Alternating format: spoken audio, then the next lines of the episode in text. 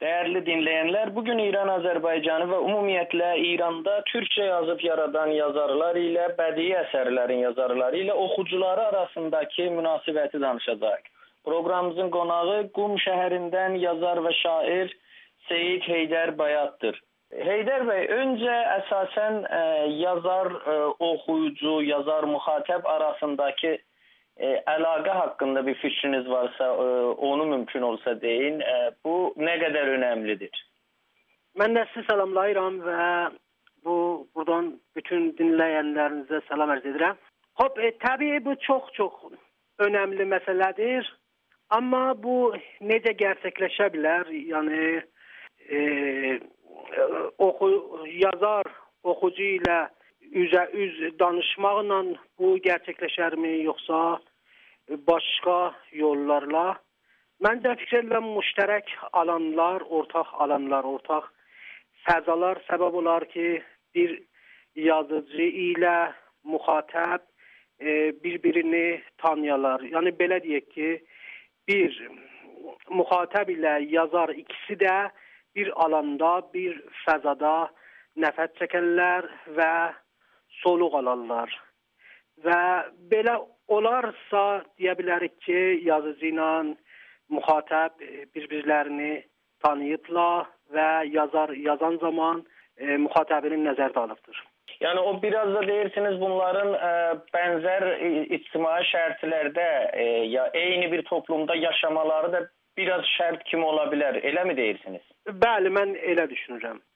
İndi e, misal üçün doktor Rıza Bərahəni əlbəttə o e, türkcə e, əsərləri yoxdur, amma özü türkdür e, və farsça əsərlərində də o türklüyünü, e, türklərə qarşı e, ayrı seçilişləri də ə, əks edibdir. E, bəlkə İranda ən çox bu məsələyə diqqət çəkənlərin biri də odur. E, o hətta oxuyucuya deyir, o e, əsərin ikinci yazarıdır. Bunu deməklə də hər halda e, oxuyucuların e, yazarın əsərlərinə e, buraxdığı təsiri deyir. İndi bu təsir biraz da bu onların bir feedback lərini yazarların görməsi lazım olmurmu? Bu yazarlar bunu necə görürlər? İranda türkcə yazanlar, e, yəni bir qəzet şəklində, ədəbiyyat dərgiləri şəklində, e, ədəbiyyat oturumları şəklində belə bir mexanizmalar varmı? Məncə yoxdur. Yəni bizdə indi professional dərgi ədəbiyyatda o anlamda olsa da yəni bunu saxlaya bilmir oxucu ilə yazar arasında.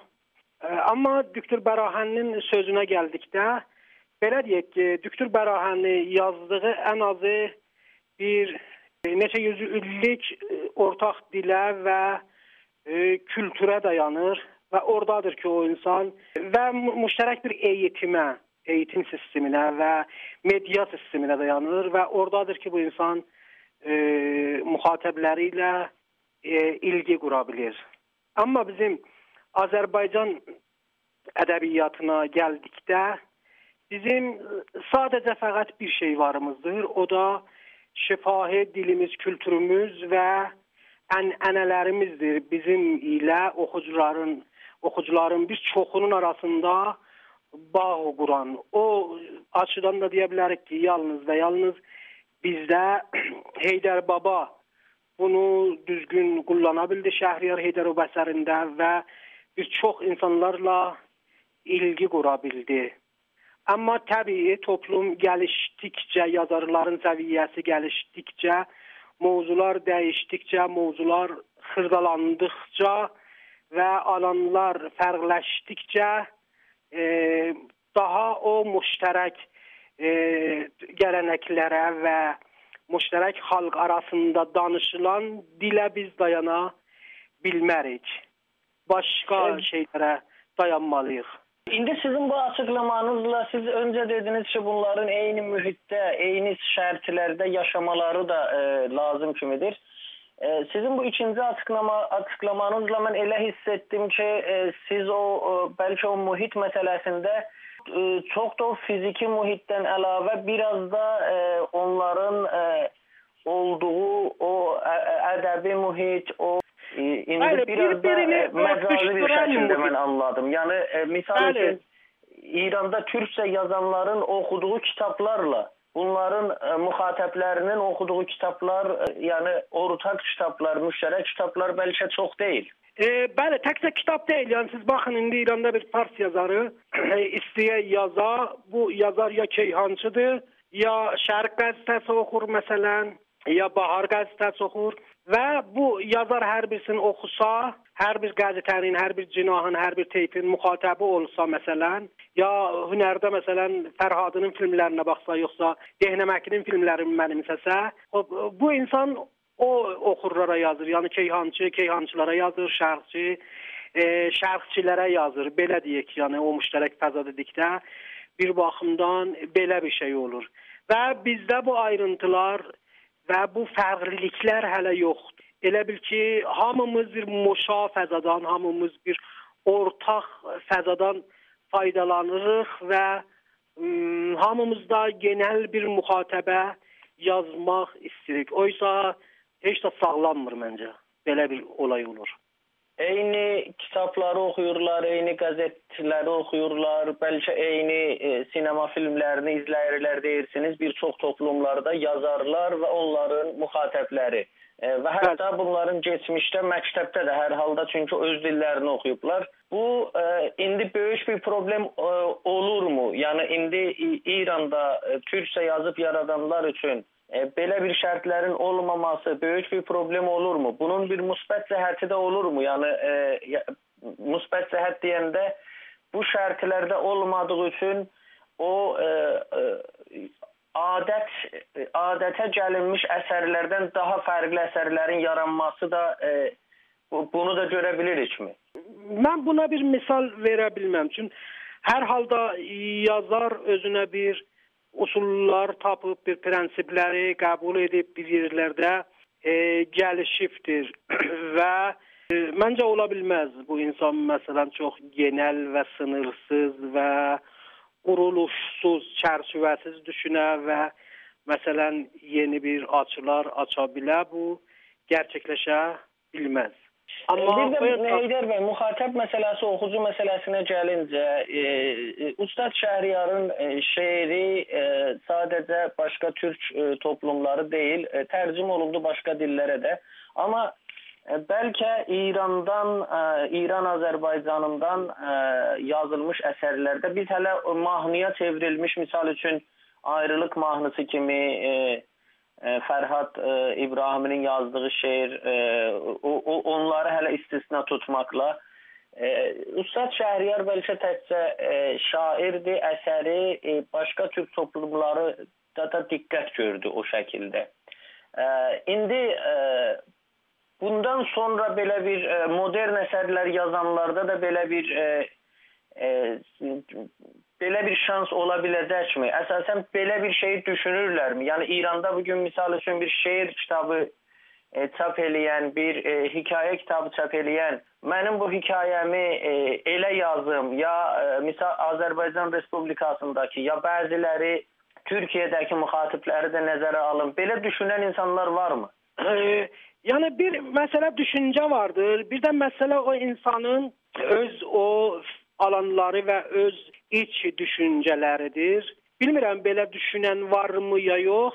Ancaq məncə hətmən olacaqdır bizim gələcəkdə bir insanlar ki, e, Azərbaycan Respublikasını yaxşı tanıyırlar, Türkiyəni yaxşı tanıyırlar, olan ədəbiyyatların yaxşı tanıyırlar və bunların yazdığı əsərlər də onlarda alına. Mən e, buna əminəm, bir gün bu olay ola bilər.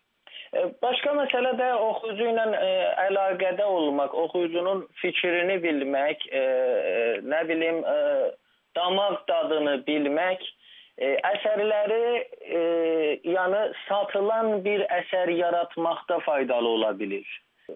Əsərlərini daha yaxşı sata bilir.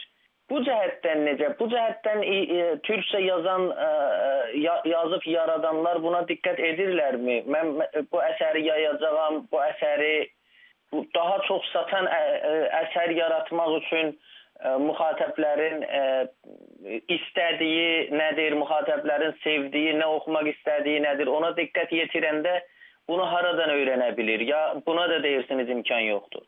E, bir balaca imkan ola bilər, ancaq bəy bilirsiniz ki, bizim indi məsələn Təbriz kimi şəhərdə, Zəncan kimi şəhərdə, e, ya hətta başqa şəhərlərimizdə e, rəsmi kitab vuruşlar bir çoxu, yəni şəhərlərin mötəbər kitab satanları bizim türkçə kitabları gətirmirlər, satışa buraxmırlar. Ya məsələn Təbriz kimi bir şəhərin kafelərində sən türkçə kitab çox az görə bilərsən kafelərin kitab kafesəsində.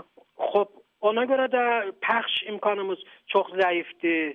Ona görə də bir dəyərli əsər hətta yazılsa və birisi bunları nəzərdə alınsa və oxucu tərəfindən də alınsa da belə mən düşünürəm ki, e, bu kitab satıla bilməz. Ola bilər belə bir yazarlarımız ola, amma belə bir satış imkanı bizdə məncə yoxdur.